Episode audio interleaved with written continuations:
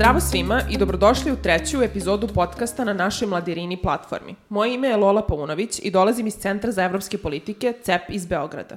Mladirini je nova regionalna platforma za mlade sa Zapadnog Balkana. Ova platforma daje prostor mladima da se izraze o važnim temama, od pitanja zaštite životne sredine, slobode na internetu, do pitanja o demokratiji i vladavini prava.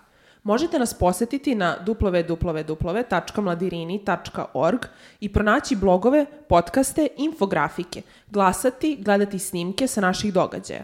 Platforma je dostupna na svim jezicima sa područja Zapadnog Balkana, kao i na engleskom jeziku. Danas imamo tu čast da ugostimo Stefana Đorđevića, generalnog sekretara Krovne organizacije Mladih Srbije ili KOMSA. Dobrodošao. Dobar dan, bolje vas našao.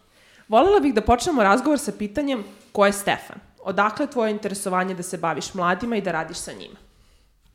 To je zapravo čast i zadovoljstvo i kada razmišljam o tome, mislim da je privilegija u ovoj zemlji e, i generalno privilegija kada čovek može da radi ono što voli i u što veruje i kao i verovatno neke druge mlade osobe, kada sam studirao, odlučio sam da počnem da volontiram i na neki način da budem aktivan u zajednici, da imam stav i borim se za određene promene, sticajem čudnih okolnosti kroz taj svoj volonterski a, angažman, a inače sam završio političke nauke međunarodne odnose, tako da to opet ima veze sa, sa društvom i sa a, važnim procesima u kojima sam želeo da uzmem, u kojima sam želeo da učestvujem i doprinesem.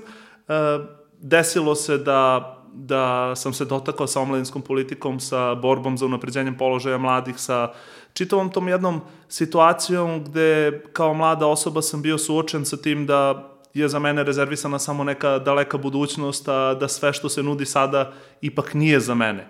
Pa onda i ono kad sam negde završio fakultet i shvatio da ono što tržište rada nudi, a ono što nas na fakultetu uče da su to diametralno suprotne stvari, sa svim tim izazovima sam se kao mlada osoba suočavao i odredio da budem deo, ovaj, aktivistički deo onih koji se bore da se to promeni. I moj put je tako došao u kontakt sa svima onima koji se bore za unapređenje omladinske politike i za unapređenje položaja mladih, jer ovde suštinski pričamo o tome. Uh, dobio sam priliku u jednom timu za podršku Ministarstva omladine i sporta sasvim slučajno da steknem svoje prve iskustva. E, tu sam ovaj, upoznao se sa prvim važnim stvarima, a onda sam, kada sam stekao iskustvo i naučio nešto, imao tu, tu čast i zadovoljstvo da postanem deo krovne organizacije Mladih Srbije od 2015. godine i evo, do danas sam tu i do danas uh, mi je zadovoljstvo to što mogu da radim uh, posao sa mladima i uh, što, što mi je posao zapravo borba za unapređenje položaja mladih i samim tim i zadovoljstvo hvala ti na ovome i mnogo mi je drago da čujem da uživaš u svom poslu. Uh, vola bih da se dotaknem jedne važne stvari i to je participacija mladih. Uh, da li možeš u par reči da nam kažeš šta znači prava participacije i uključivanje mladih u donošenje odluke? Uh, kako doći do uključivanja mladih na svim nivoima i zašto je važno, iako 90% mladih veruje da oni nemaju uticaj u donošenje odluka? Pa, eto, participacija mladih je jedan uh, kompleksan termin koji, e, koji pretpostavlja puno različitih stvari, a suštinski je vrlo prost i on upravo oslikava i reprezentuje loš položaj mladih u društvu. Kada pričamo o participaciji, to je osnovna tema kojom se Krovna organizacija Mladih Srbije bavi i nešto za što duboko verujemo da može i mora da se menja, pričamo suštinski o tome koliko su mladi uključeni u ovo društvo, koliko prilika, prostora i mogućnosti imaju. Jer ovde zapravo pričamo o tome da 60-70% mladih prema našim istraživanjima uopšte ne vidi svoju budućnost u Srbiji, ne vidi sebe u Srbiji, ne vidi kako može da doprinese i osjeća se prilično isključeno. Jedan od ključnih razloga zašto je to tako jeste zato što nam mehanizmi participacije, odnosno uključivanja na mnogim nivoima od lokalnog do nacionalnog zakazuju. Tako da kada pričamo o participaciji mladih, u ovom trenutku pričamo o učešću mladih i o tome zašto ono nije na većem nivou, zašto mladi abstiniraju, zašto mladi nisu deo institucija, zašto 90% njih smatra da nema nikakav uticaj na procese donošenja odluka.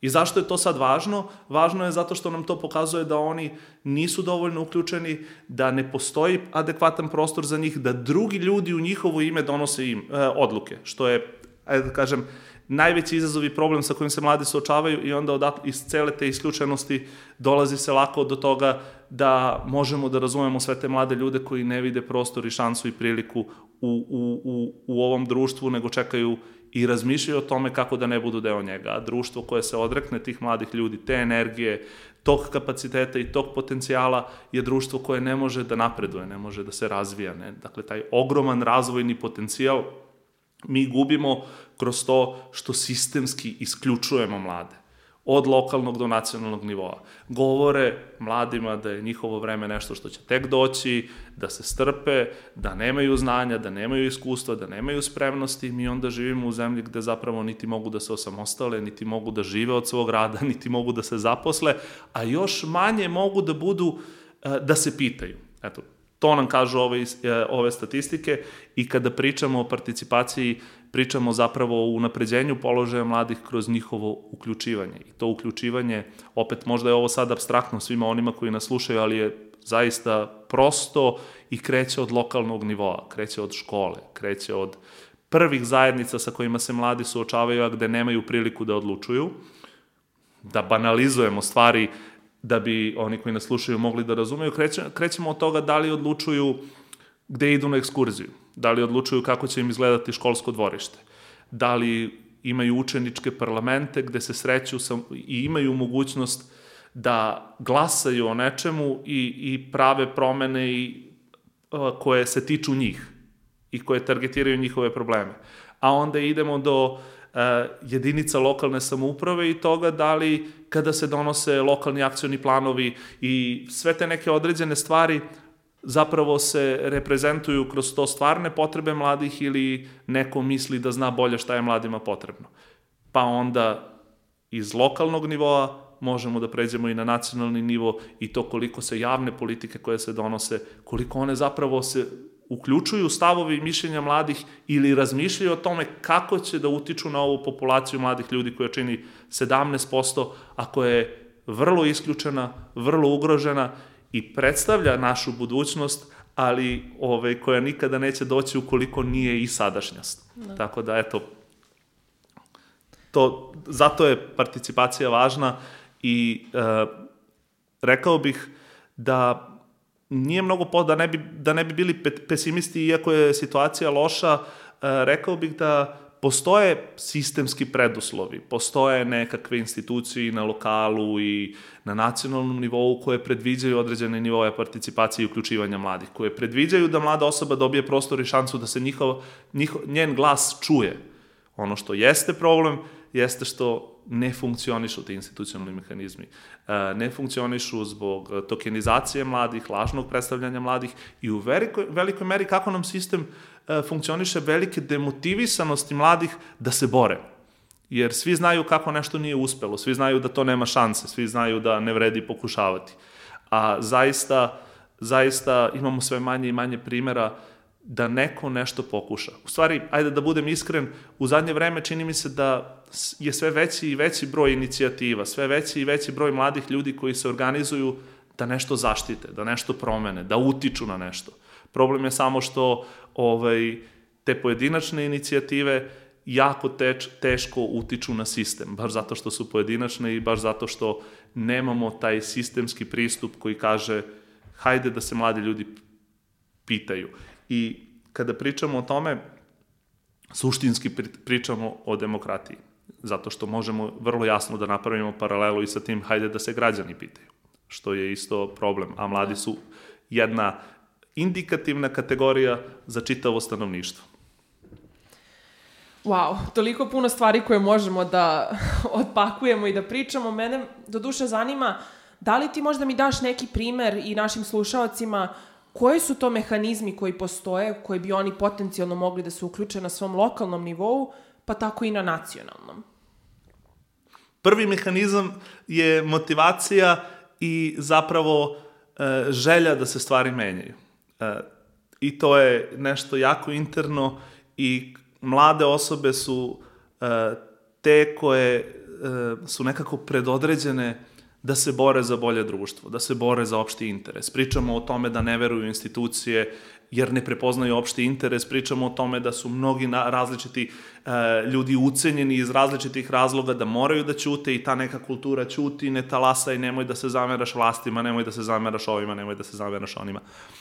Upravo je e, specifičnost mlade osobe to ta želja, motivacija da se bori, da menja stvari. Ne samo unutar svoje sobe, jer to je nešto onako što često čujemo, daj radi ti šta hoćeš u svoje četiri zida, a mimo toga molim te nemoj da praviš, e, nemoj da, nemoj da talasaš, e pa to je pogrešno. Dakle, ono što je ključno iz perspektive pojedinca jeste da ima želju da se bori, ali isto tako da zna kako sistem funkcioniše i da se udružu, udružuje sa drugim ljudima koji imaju sličan interes. Dakle, opšti interes mora da se pronađe i nekako zajedno mora, mora da postoji svest da se udruživanjem dolazi do toga da, da se udruživanjem dolazi do toga da zapravo se taj interes prepozna i da on dobije neku određenu relevantnost. Nije isto da li će 5 ili 50 mladih osoba po jednom pitanju biti ispred opštine. Ja sam duboko uveren da ukoliko se skupi 50 mladih ljudi koji želi nešto da promeni na svom lokalu i na nacionalnom nivou, da će se taj glas čuti i da će on onda uticati. Dakle, krećemo od lične motivacije i onda negde pozivam sve one mlade ljude koji nas slušaju da razmišljaju o tome šta može da bude bolje, ali isto tako da se ne predaju i ne misle da to nije njihova stvar. Koliko god realnost bila surova i pokazuje nam da ne vredi boriti se, ima puno primjera da zapravo vredi boriti se, pa čak i ako borba nije uspešna. Ajmo onda da vidimo šta je na lokalnom nivou. Dakle, imate pravo da se pitate čak i kroz institucionalne mehanizme, e, neko donosi odluke za mlade, neko raspoređuje na lokalnom nivou budžete za mladi i određuje prioritete.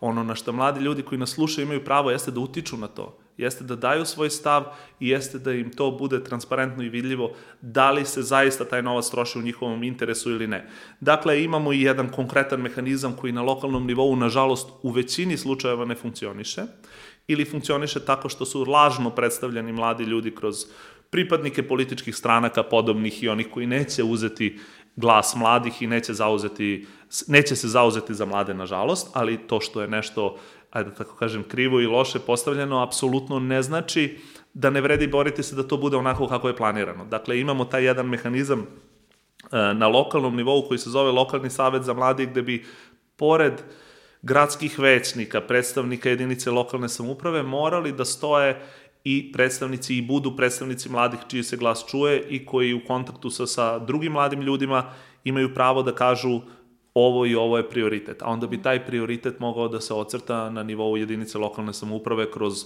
plasman i dodelu sredstava ne za nešto što neko smatra da je najbolje, nego za ono što je prepoznato kao interes mladih. Dakle, imamo taj lokalni savet za mlade, imamo i na nacionalnom nivou jedan mehanizam koji do skoro nije bio funkcionalan, ali od skoro a, su se desile neke ključne promene i velika su očekivanja svih nas u sektoru, iako možda vašim slušalcima uopšte nije poznato, ali ih, evo, možda i pozivam da se informišu, to je Nacionalni savet za mlade, koji je zamišljen kao savetodavno telo vlade i tako je i kreiran, s tim što Krovna organizacija Mladih Srbije predlaže 15 mladih ljudi koji predstavljaju mlade ljude u tom telu i koji su visoko motivisani da daju inicijative i predloge za unapređenje položaja mladih. Dakle, I to je jedan mehanizam uključivanja mladih koji do sada nije funkcionisao, ali diferencija specifika u odnosu na ranije situacije, da. odnosno ono novo što će se desiti i što se sada dešava jeste da imamo 15 mladih ljudi koji predstavljaju sve mlade u ovoj zemlji i opet kažem, uh, uskoro će na našem sajtu biti dostupan e-mail gde će svi mladi i svi subjekti zainteresovani za unapređenje položaja mladih moći da ih kontaktiraju, šalju neke određene inicijative koji će se onda kasnije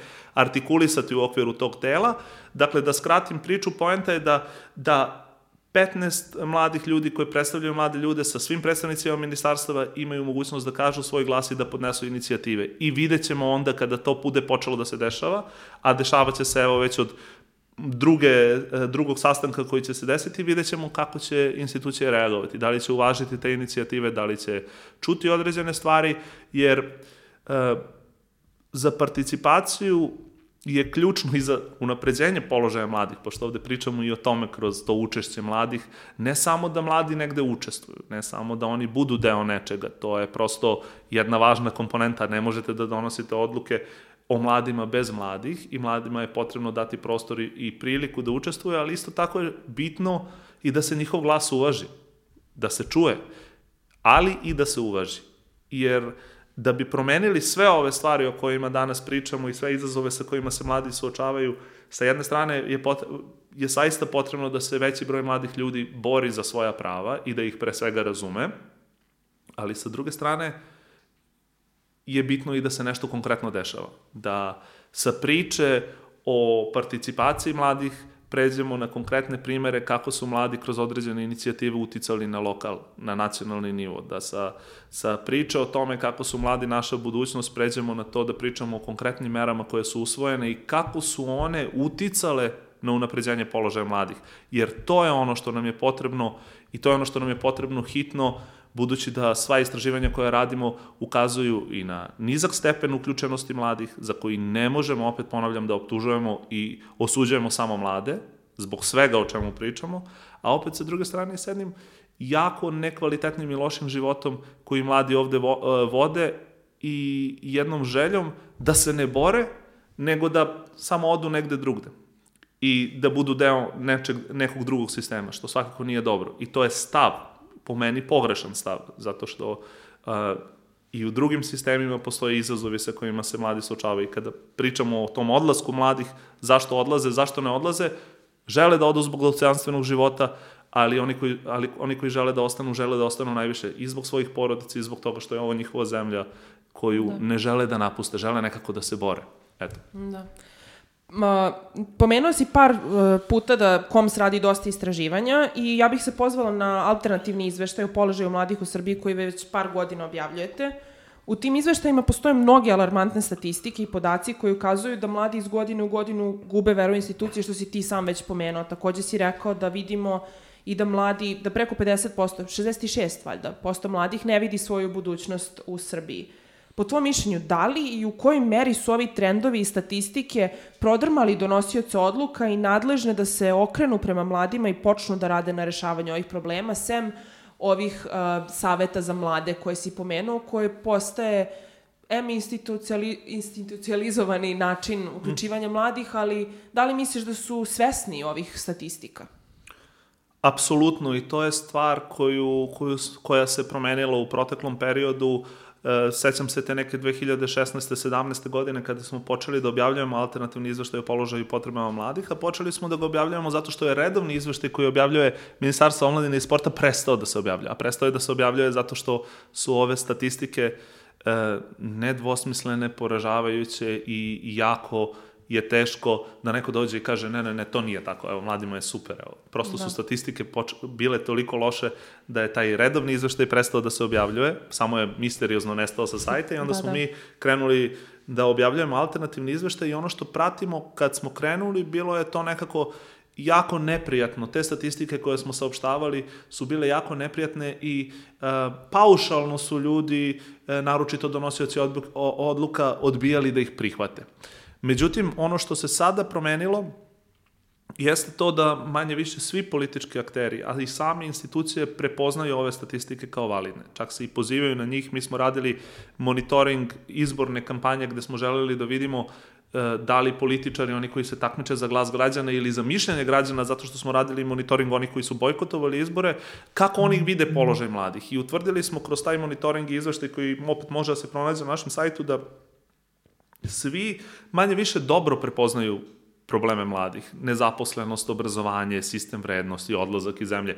Sve to prepoznaju svi politički akteri i svi ukazuju na to da je položaj mladih loš. Znači, nemamo ni jednu opciju, a kamoli instituciju koja će reći bilo šta drugo, ono gde su svi E, gde svi nisu uspeli da zadovolje jeste konkretni predlozi i rešenja koje su ponudili za unapređenje položaja i kojih je više i e, kojih je verovali ili ne samo 14 u celom periodu od od od od od uh, pet meseci kampanje što je negde poražavajući podatak koji nam pokazuje da to imamo svest o tome da je položaj mladih ugrožen, da. ali nemamo način, ne, e, e, oni koji donose odluke nemaju baš puno načina šta konkretno da ponude, što je opet rezultat ove isključenosti mladih. Pitajte mlade, nema magičnog štapića, mladi nisu ista kategorija, to je jedna vrlo e, heterogena i različita kategorija koja ima različite potrebe na različitim nivoima. Naše istraživanje pokazuje da mladi iz Beograda i mladi iz Niša i mladi iz nekih e, ruralnih sredina su diametralno suprotne potrebe na koje je potrebno odgovarati i iz lokalnog i iz nacionalnog nivoa,